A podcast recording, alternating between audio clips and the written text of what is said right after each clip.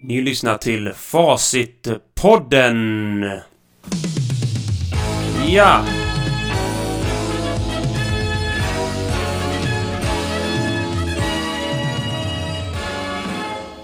Fördömt, underbart, underkänt, välkomna ska ni vara till Facitpodden avsnitt 3! Precis. Mm, Facitpod. Idag ska vi prata om en idrott som jag tycker mycket om att titta på och som jag uppskattar mycket. Och den sporten heter Mixed Martial Arts. Alltså MMA. Eh, speciellt inom organisationen UFC, Ultimate Fighting Championship. Det finns ju andra organisationer också, till exempel One Championship, eller One FC som den kallas också, och Bellator.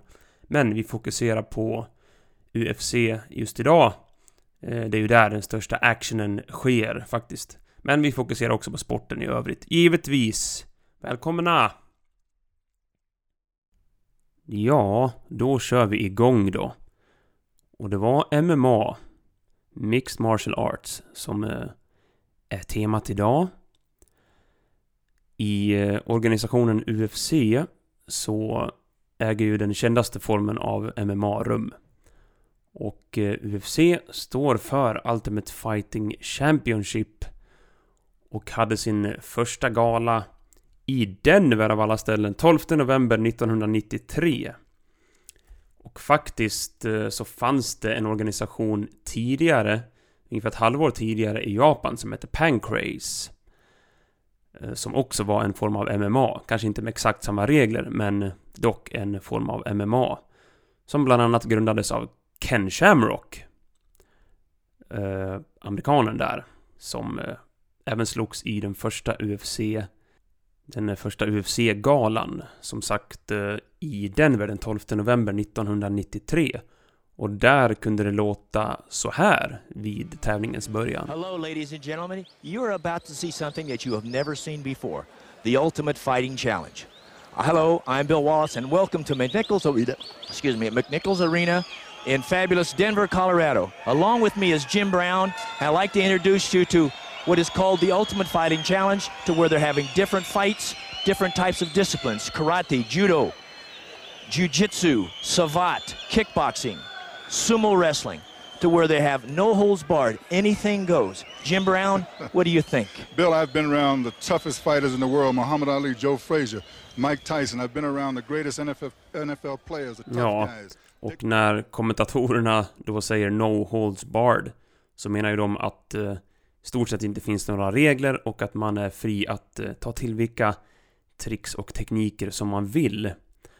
Och en variant av det här som fanns eh, innans MMA i UFC så, så kallades det valetudo i Brasilien. Vilket betyder på portugisiska ungefär vi får göra allt. Allt är tillåtet. Allt är okej. Vilket låter ganska brutalt och det är det. Så MMA är ingenting som bara startade knäpp med fingrarna den 12 november i Denver 1993. Det fanns tidigare olika former. Eh, till exempel då, tidigare under året eh, i organisationen Pancrase i Japan. Som Ken Shamrock då var med och bildade och han slogs då i första UFC.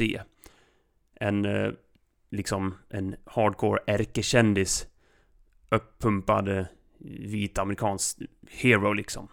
Som var med i början där. Men som eh, alla vet så var det ingen vit amerikansk uppumpad stor hero som vann det första UFC i Denver utan det var en ganska liten tanig brasilianare vid namn Royce Gracie.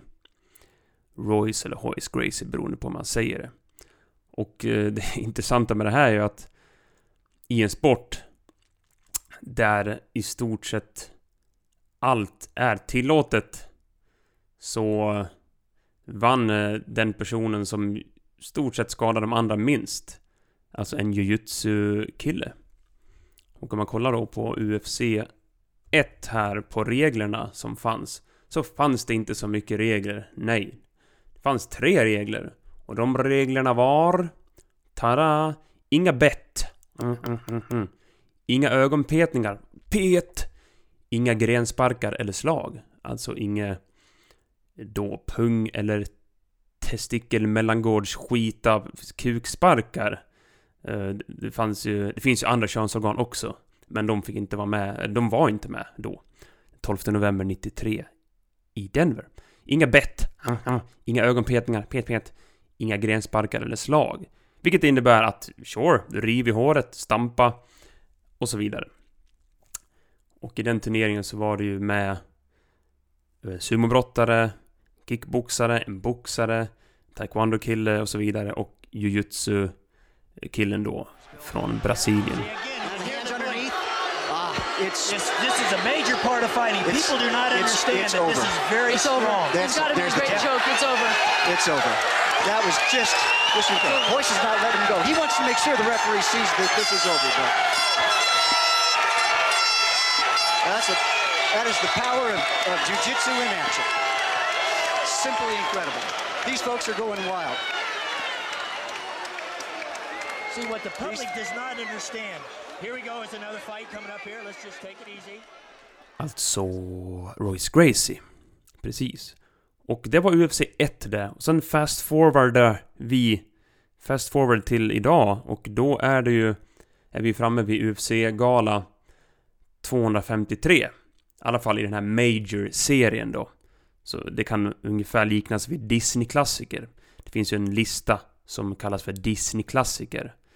Där eh, vi är uppe i en ganska hög siffra, men det finns ju andra Disney-filmer också som inte ingår i Disney... Disney-klassiker. På samma sätt så fungerar Ultimate Fighting Championship, organisationen alltså. Eh, I och med att det finns galor som inte går enligt eh, det tickade räkneverket som nu är uppe i 253. Utan också i form av ESPN Fight Night, eller bara UFC Fight Night, eller något sånt. Så, så lätt är det inte att hålla koll på, men vi är i alla fall uppe i 253 som går av stapeln eh, mycket snart eh, mellan obesegrade Israel Adesanya och eh, Paulo Costa. Som för övrigt är från Belo Horizonte i Brasilien, samma stad som Eh, Sepultura startar i. Lite kul. Och Israel Adesanya, en Nigeria-bördig eh, kille som eh, håller till i Nya Zeeland ni hör, universellt skit här alltså. Israel Adesanya obesegrad mot Paolo Costa obesegrad. Båda har slagit Joel Romero, en annan kille i mellanvikt och nu händer det! 27 september. Jepp, då måste man titta. Så är det bara. Men för att gå tillbaks till UFC 1 eh, i Denver 93 så var det ju för många amerikaner i alla fall de 7800 på plats. En stor chock att en kille som var ganska liten och höll på med en sport som de inte visste så mycket om kunde utklassa de betydligt större och mer impact-orienterade personerna eh, som slogs och sparkades. Eh, som, som var baserat på striking. Gerard Gourdeau, som han vann mot i finalen, var ju liksom en sparkare av ganska hög rang för den tiden. Och Ken Shamrock var en stor, stark, himenaktig kille med eh, orangea Speedo som var fan i mig skräckinjagande. Och det fanns inga viktklasser, en sumo slogs mot en liten spelvink och så vidare.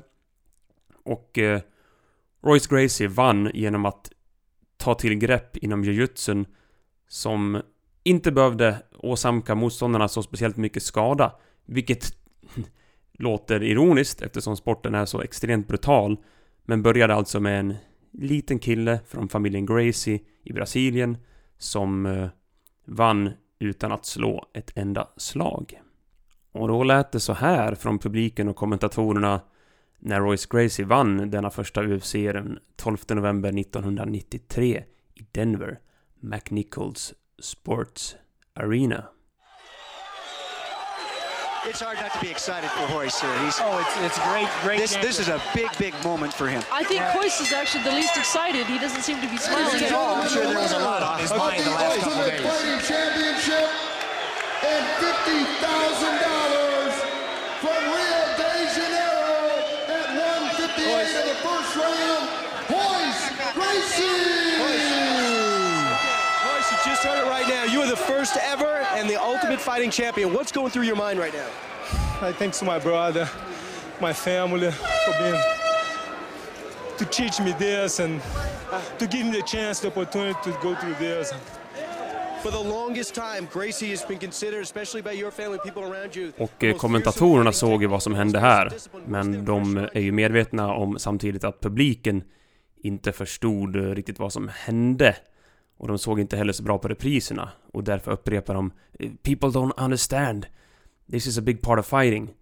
Eh, kommentatorerna var införstådda på jujutsunas, jujutsuns styrkor, förlåt. Och påpekade om och om igen. Det var en ganska stor chock för många i den här communityn att eh, en eh, så pass lätt liten kille kunde helt enkelt greppa på ett visst sätt på en mycket större man och samtidigt få honom att ge upp. Och eh, hans motståndare gav ju upp allihopa. Domaren behövde inte bryta, utan eh, det är ju det som gör jujutsu till en så vacker sak, liksom. Eh, att det är en ge upp-baserad humility framkallande aktivitet. Eh, du tar helt enkelt ett grepp som är så svårt för motståndaren att komma ut, så den tvingas att säga Okej, okay, du är bättre, jag ger upp. Ingenting behöver knäckas, i bästa fall. Sen knäcks det säkert ben och armar här och där. Men det blir inga skallskador, det blir liksom inget eh, trubbigt trauma på det sättet. Och det här revolutionerade ju sättet att se på MMA. Att se på kampsport i USA framförallt. När eh, Gracie Jujutsun, alltså BGG, brasilianska jujutsu, kom in så här och eh, visade var MMA-skåpet skulle stå någonstans. Och nu är vi alltså uppe i UFC 253 och eh, det blir bara mer och mer spännande och det blir mer och mer som en typ av dokusåpa när eh, det dels på grund av pay per view systemet innebär att den som kan framskapa mest känslor hos folket även är den som tjänar mest och får mest av pay per view kakan så att säga. Och så funkar det ju i andra sporter också. Det blir bara extra tydligt i MMA och framförallt i UFC att ett pay per view baserat system petar fram eh, en typ av eh, persona bland de utövarna som är med. Så att den som liksom kan skapa mest rubriker och vara mest oh, out there, den får mest uppmärksamhet, hens mest pengar, mest spons, mest allt. Och eh, Conor McGregor är ju ett lysande exempel på det. Då han inte slåss så himla ofta, men Ha ett otroligt eh, följe från en stor mängd av MMA-fans. Och han behöver inte göra så mycket, utan det finns helt enkelt ett stort intresse där. Han har raljerat upp folk. Visst har han gjort en del övertramp eh, som, som ingen egentligen ska göra.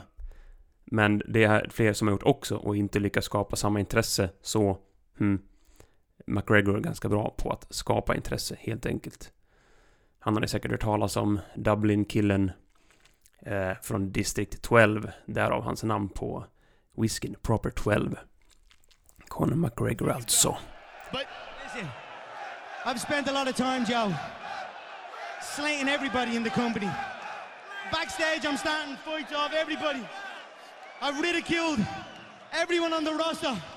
I just want to say from the bottom of my heart, I'd like to take this chance to apologize to absolutely nobody.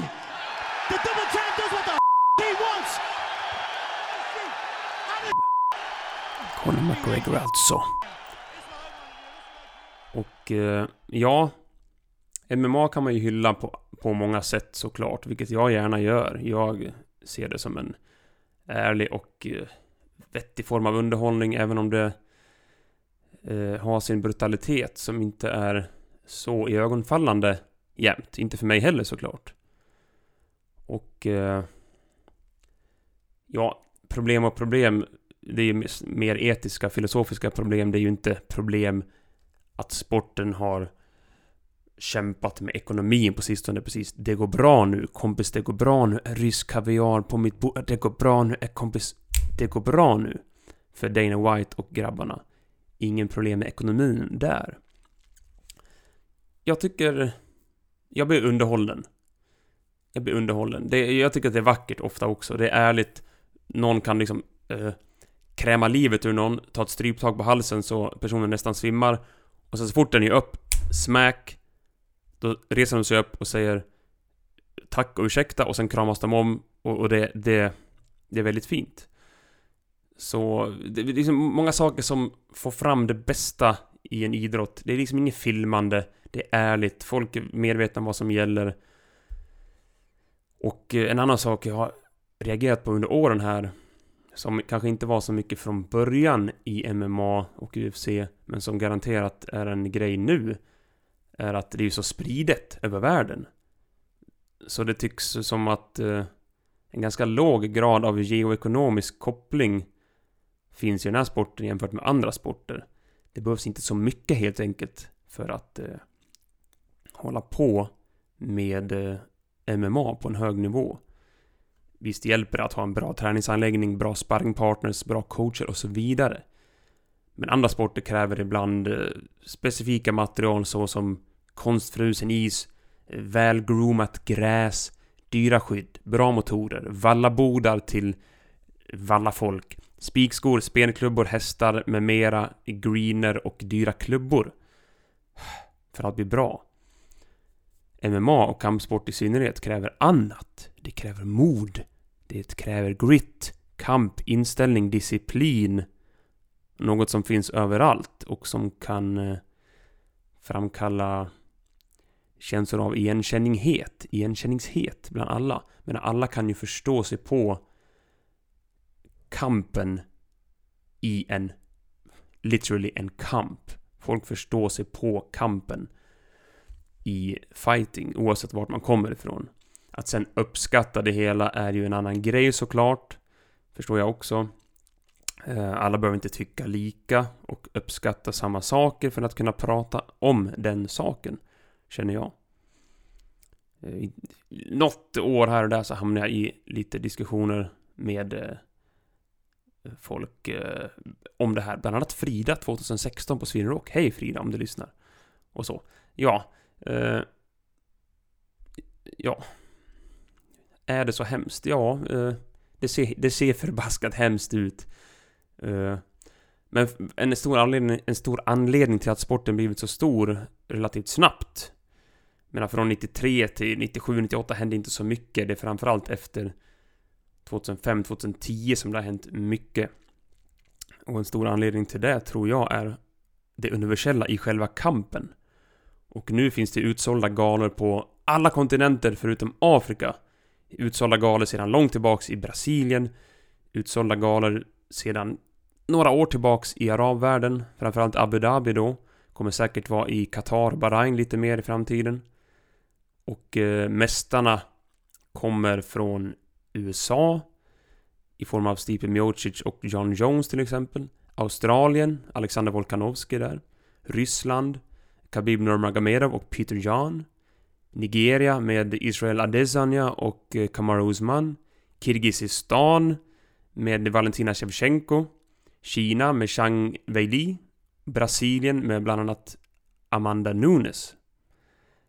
Och hon är ju en av de största badassesen Badassets Badassesen i UFC nu. Hon har ju titelbältet i två viktklasser och dominerar så hårt så att hon har slagit ut både Cyborg, Ronda Rousey och alla som har något att säga till om i kvinnlig MMA whatsoever.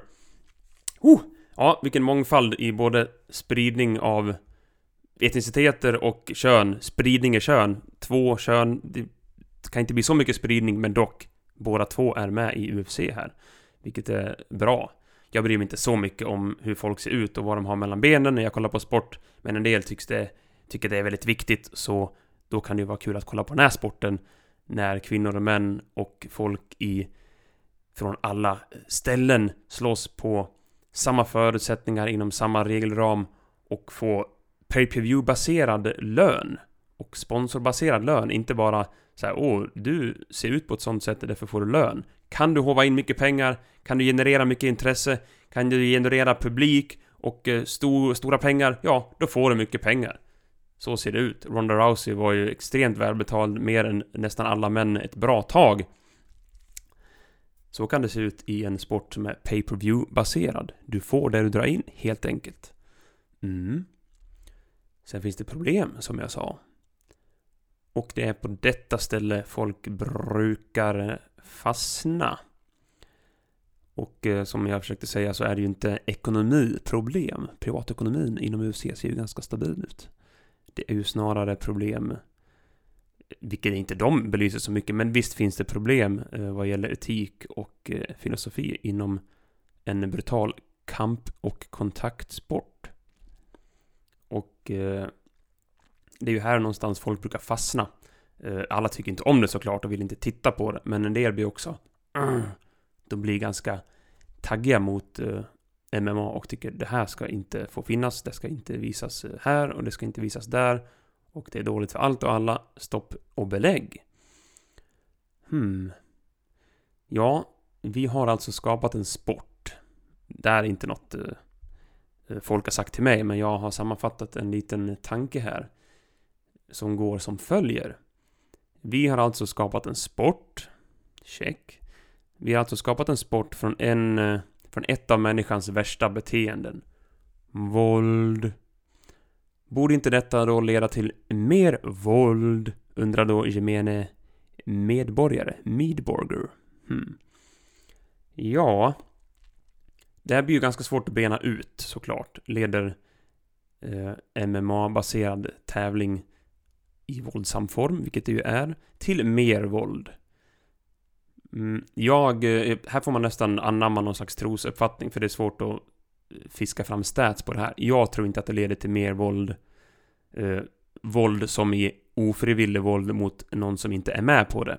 Vilket ju är en ganska viktig aspekt av förkastlig våld, att den andra inte är med på det. Eh, sportbaserande våld så som MMA är ju inte riktigt den våld vi vill få bort från gator och torg så att säga. Och det roliga med andra sporter är att eh, så fort det händer någonting som en, eh, en fysisk eh, dispyt, låt säga, i en annan sport. Då, vi, då stiger ju stämningen på hela stadion. Då blir det fight i fotboll eller basket eller hockey. Ja, då är hela stadion med. Oh, då händer det någonting. Nu måste vi titta. Och då kommer det fram så här fighting stats på NHL-spelarna så här. Han har fem stycken eh, knockouts och han har slagit si så många gånger. Hans average fighting time is this. He's a puncher, he's a dodger, lefty, righty, orthodox, standard. Ooh, det kommer fram mycket. Folk vill kolla. Men i MMA så får du ju det hela tiden. Inga filmningar. Ingen som Åh, han slog mig. Här slåss vi hela tiden. Ingen fotbollsspelare ligger ner i MMA och säger Åh, mitt ben. Nej! Fuck the ben. Vi kör. Här är det våld through and through, skala 1 till 1, organiskt sett. Inget annat, inget mer, inget mindre. Oh. Och det är ju det som är problemet enligt många med i själva grejen. Det är ju det det vanligaste problemet är som folk identifierar med MMA och sedan vänder sig emot. Och det är ju följande då då. Inte för att de brukar formulera det på just det här sättet, men nu gör ju jag jobbet åt dem. Oh, en liten paus där för att svalka strupen med lite mjöd. Sådär ja. Mjöd som jag har gjort själv. mm. Okej, okay, fair enough.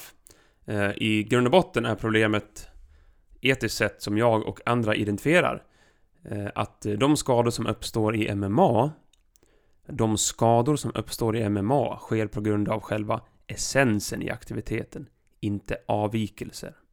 Mm, ganska basic formulering där. I många andra sporter sker skadorna på grund av misstag eller olycka. Unfortunate events. Okej, okay, fair enough. Det förstår jag. Med det sagt så är ju motorsport, eh, freestyle skidåkning utför berg, klättring, snowboard och många andra sporter fyllda av skador. Det händer också att folk dör. Och det må vara på grund av olycka eller misstag. Det tycks vara oundvikligt i flertalet sporter. Men ska ingen få hålla på med dessa sporter på grund av faran, tänker man ju då. Är det att fara faktiskt uppstår? Eller är anledningen till fara det vi ska fokusera på här? Hmm, ja det kan man fundera på. Är det att fara faktiskt uppstår? Att det finns en fara, påtaglig fara? Eller är anledningen till faran det vi ska fokusera på? Man skulle kunna formulera om det och säga Är det att skada faktiskt uppstår i många sporter, indeed? Eller är det anledningen till varför faran och skadan uppstår vi ska fokusera på? Ja, frågan i grund och botten blir ju i alla fall ungefär så här. Jag har förberett här. Ja, ja. Om folk skadar sig i sporter, såsom klättring, motorsport, skidor etc.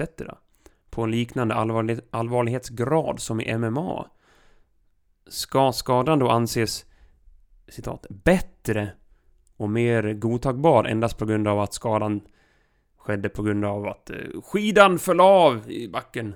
Eller bilen fick sladd. Eh, något hände med motorn och däcken. Saker som lätt kan hända i till exempel utförsåkning och motorsport. Ska en sån skada anses vara lite bättre än en skada som sker av likvärdig grad i MMA på grund av essensen i aktiviteten?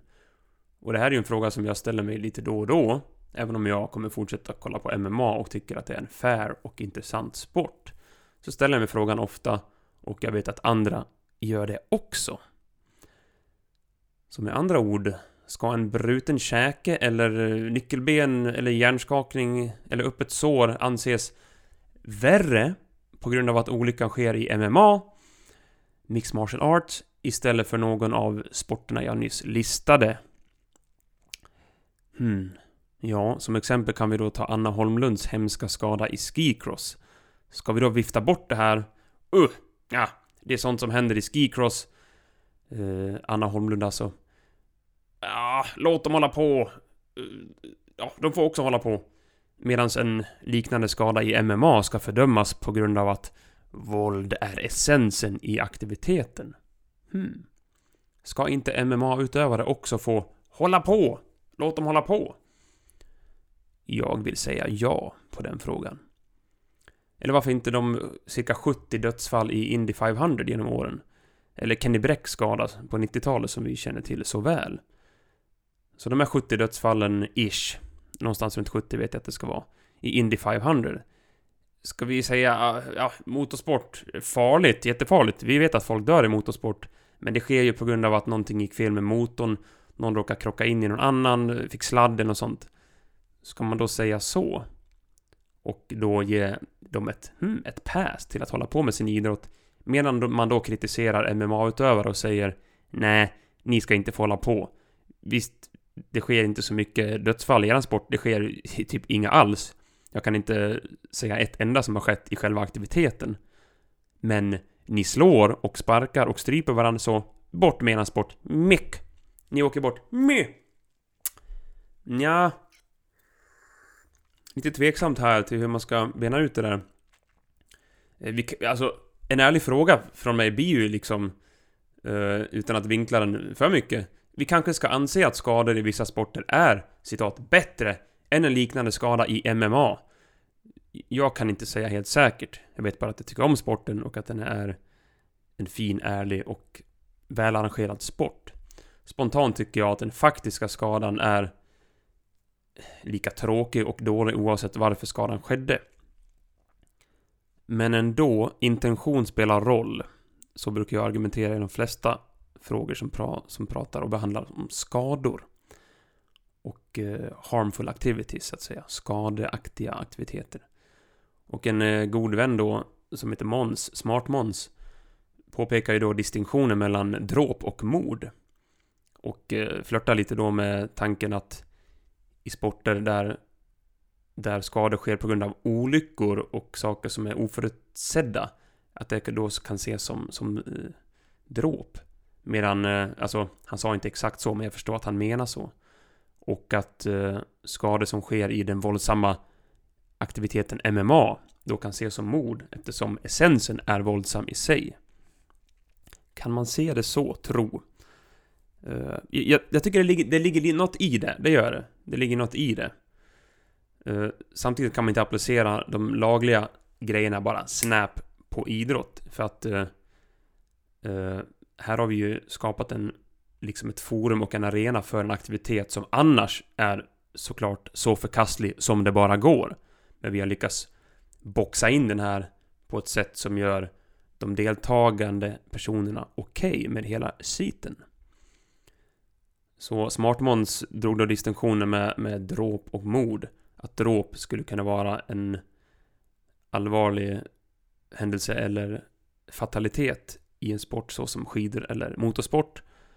Eh, dråp alltså. Att, att någon dör utan att det var egentligen mening. Och mord när någon dör i MMA. Visst är inte mord såklart, det tycker inte jag heller. Det tyckte nog inte Smart Måns heller.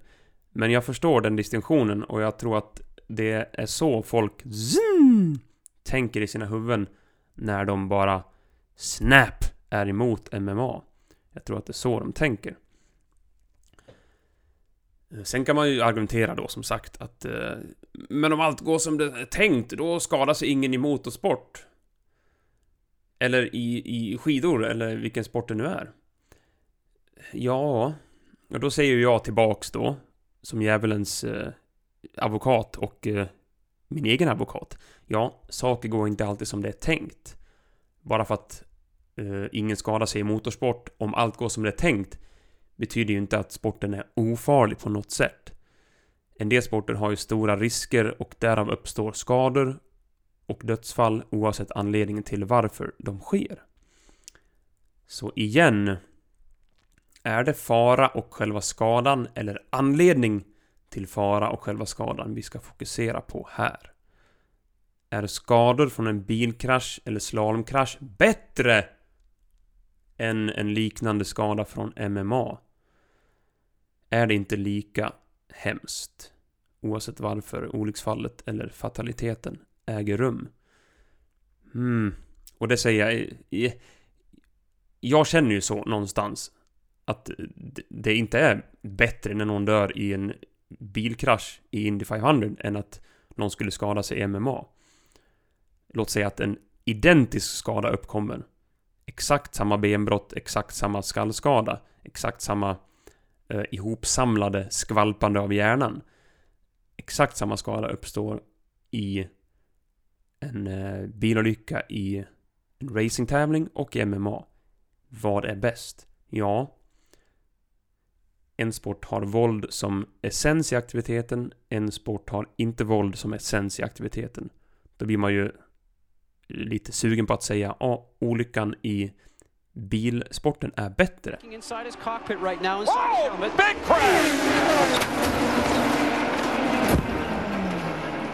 Major, major incident. Kenny Breck getting way high up into the fence.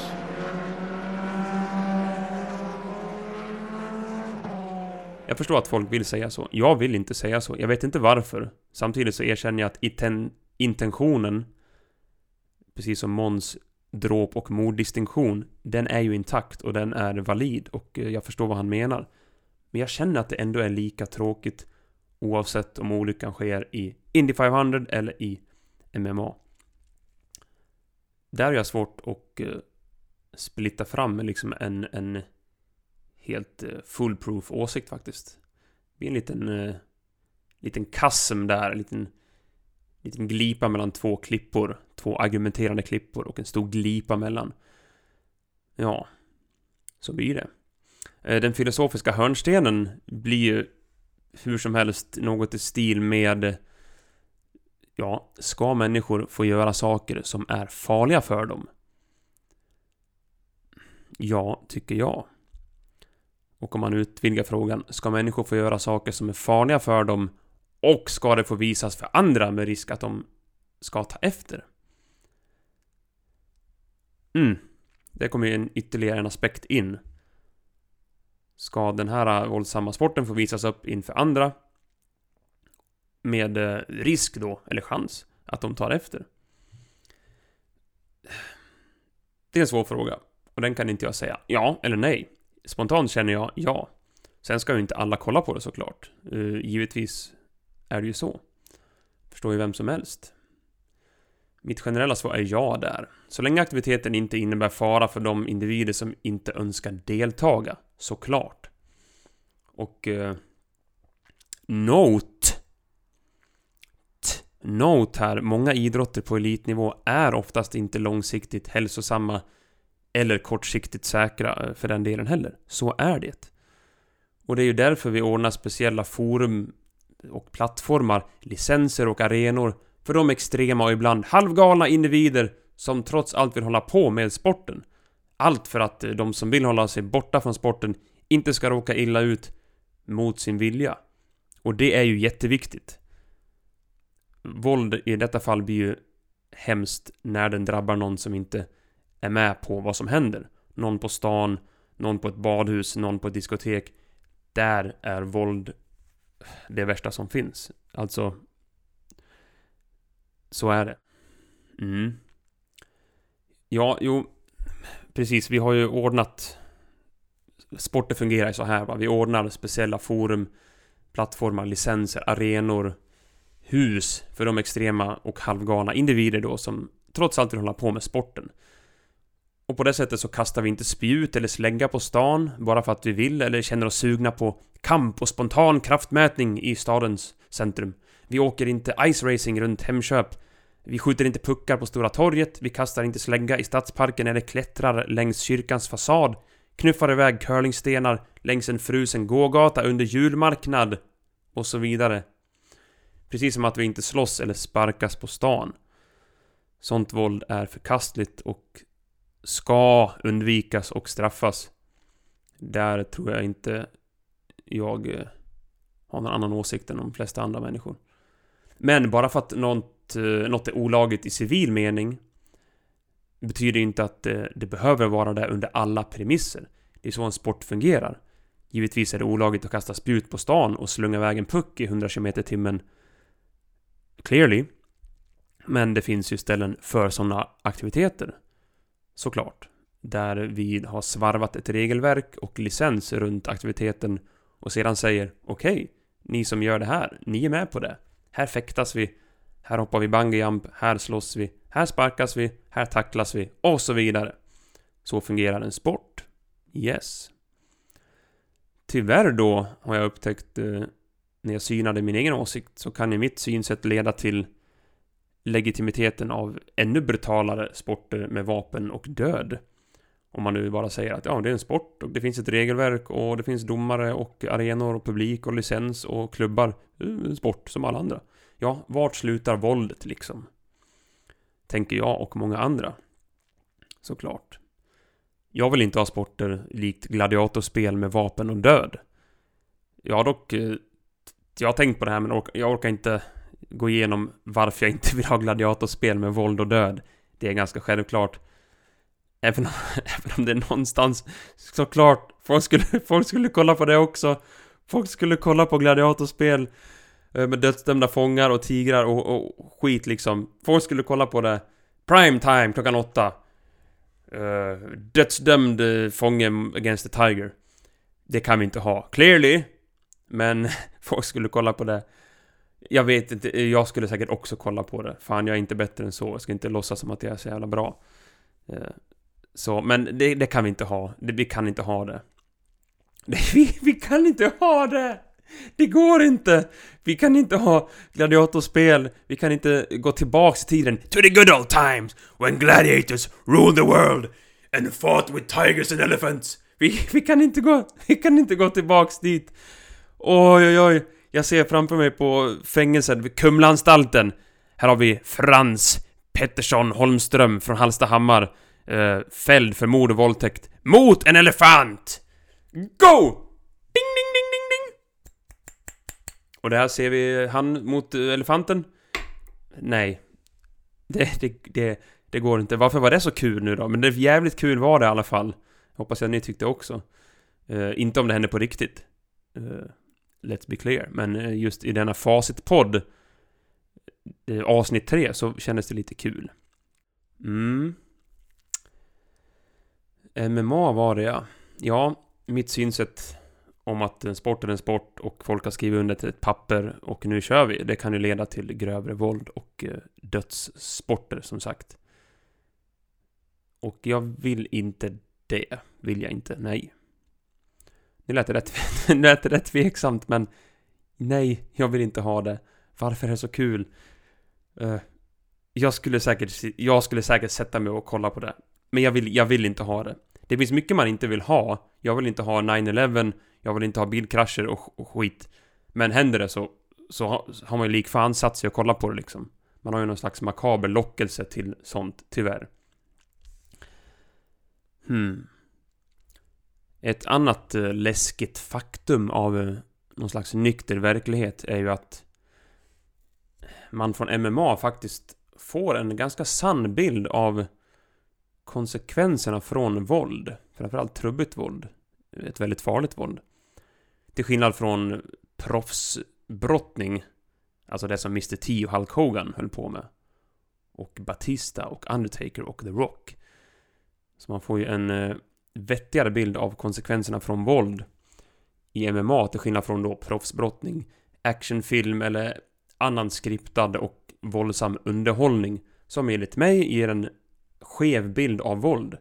Och jag vill inte att folk ska växa upp med en skev bild av våld där man kan ge varandra upprepade slag och knäcka stolar över varandras ryggar och säga Oh, han reser sig. Fine, he's fine. Uh, he's fine. Jag gillar nästan aldrig snedvridna och skeva bilder av någonting, to be honest. Det gillar inte jag. Jag gillar... Jag uppskattar ärlig... Ärlig aktivitet. Skala 1 till 1 mellan människor som är införstådda på vad som gäller. Men det är ju faktiskt så att endast ett slag eller en spark av ganska mjuk natur ganska lätt kan bryta din hand eller fot eller någon annans käke eller ben. Våld är farligt på riktigt, inget skämt. Hos mig känns det mer rätt än fel att folk får se effekterna av riktigt våld i en annars så filtrerad och artificiell värld. Där saker är tillrättalagt, in absurdum, skriptade och så vidare. Dock har jag inga barn och eh, kanske skulle jag känna på ett annat sätt då angående MMA. Eller ännu mer av det jag redan känner. Mycket talar för det faktiskt. Sen ska ju inte alla titta på det här heller. Såklart. Framförallt inte barn. De ska heller inte se läskiga filmer, hemska inslag på nyheterna, pornografi med mera. Och det är upp till vuxna att inte utsätta barn för något av det jag eh, räknade upp här. Och många vuxna ska eller vill inte heller kolla på, på eh, våldsam underhållning så som MMA. Många ska nog inte göra det heller. Ibland ska inte jag göra det. Vissa kvällar blir jag så här uppjagad och tagen när jag ser någon slå ett öppet sår på någon. Så det är inte alltid bra. Jag skulle inte säga att jag blir avtrubbad av det i en verklighetskontext. Även om jag har svårt att bevisa det, så känner inte jag det riktigt. Eh, som sagt, barn och många känsliga ska inte utsättas för MMA eller våld överhuvudtaget såklart.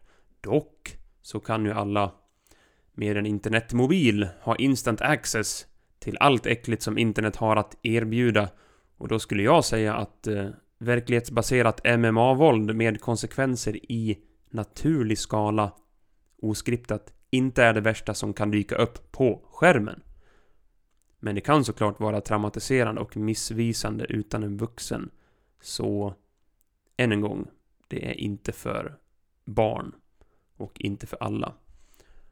Och inte för alla vuxna heller. Och det bör vara ganska lätt att eh, undvika att slå på, att råka slå på något sånt här på TVn eller att råka ladda ner en eh, MMA-gala eller råka ha det öppet på Viaplay så att det bara plupp pluppar fram för barnen.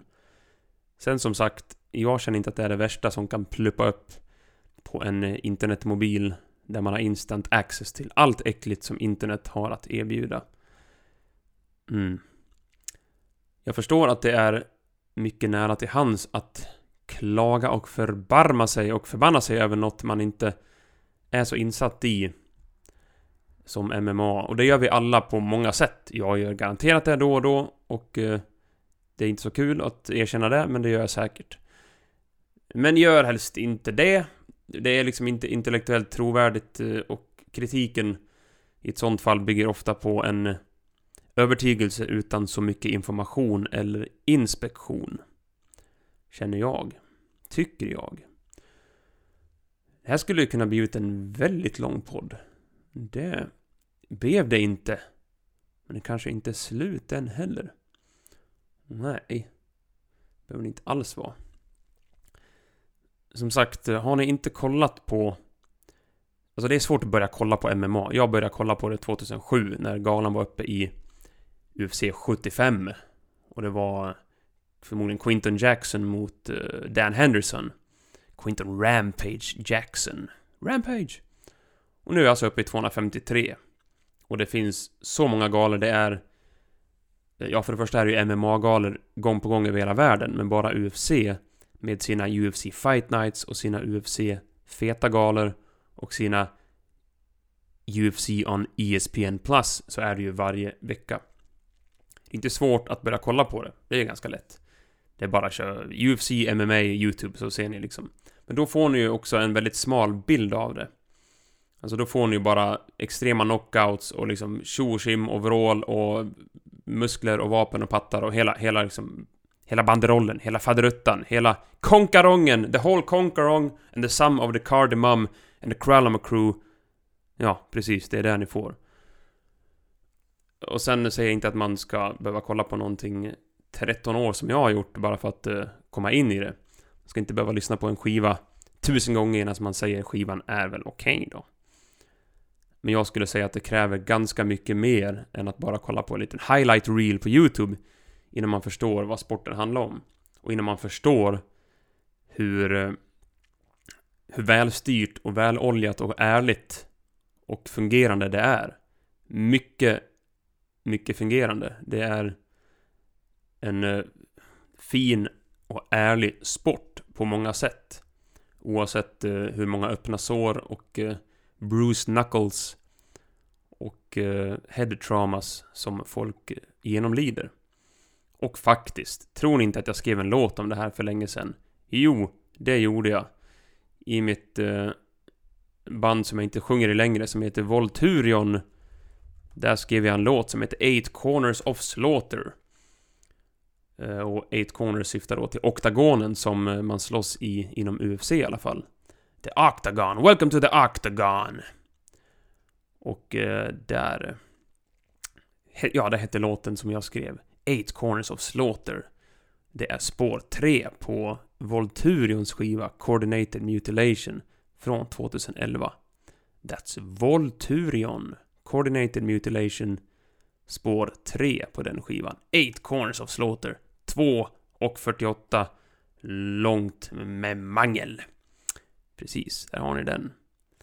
Ja, mycket kan vi säga om MMA och mycket har många sagt och eh, vill säga. Det som var kul för ett antal år sedan, runt 2007-2008, var att eh, de visade galorna live på, på en kanal som ingick i de flesta utbud, om det var TV6 Sport eller eh, Viasat Sport, något sånt där var det. Så jag kunde bara komma hem från krogen vid typ tre med en kebab, bara åh, yes. Så käkade man upp den, och sen la man sig i sängen och slog på försnacket till en fet UFC-gala med liksom påkostad deluxe. Gratis! Woho! Pling plong! Sen kollar man på det till klockan sju. Och sen somnar man. Och that's that, that. Uh, ja, sov gott. På den tiden gjorde jag. Efter sån underhållning. Nu tycker jag att det är svårt att somna efter det faktiskt. Det är lite... Lite tufft. Mm. Huh. Facitpodden. Det kommer vi alltid tillbaks till här i Facitpodden. Och jag hoppas på någon gäst snart. Inte för att jag frågar så många. Jag har spelat in avsnitten ganska tätt här. Jag har inte ringt runt till alla mina intressanta poolers and poolerettes. Eh, utan eh, jag har hållit mig ganska eh, tyst på den fronten. Men eh, nog blir det gäster på något sätt, ska ni se. Det kommer säkert behandlas eh, knark och droger och eh, gud och, och sport och musik och dödsmetall och allting intressant som världen har att eh, erbjuda, erbjuda så det kommer nog ska ni se. Vi försöker runda av här. Klockan är inte så mycket, nej det är dags att gå ut på krogen kanske. Så kan jag dra hela den här skiten för någon annan på stan som eh, tycker tvärt emot mig. Sen säger jag oh, eh, eh, uh, MMA, bu, bu, bu, 12 november 1993 i Denver, check it out. Ja, jag tycker ni ska check it out. Det här är en intressant sport på så många sätt. Och jag har lite smått uh, garderobsförälskat mig i sporten faktiskt. Så ser det ut. Uh. Vi avrundar Facitpodden avsnitt 3 och eh, hälsar er Välkommen tillbaks eh, till nästa avsnitt. Och det kommer då vara Facitpodden avsnitt 4. Och kom ihåg nu att facit är engelskans för facit, eh, alltså översättning från svenska till engelska till grekiska, där det från början kommer från ordet fasot, som betyder verklighet. Ja. Mer tjejspekulationer, killgissningar, bro science, girl science, all kinds of shit i Facitpodden. The Face It Pod. God damn it, Face It Pod. Oh, så kan det bli. Pod. Oh.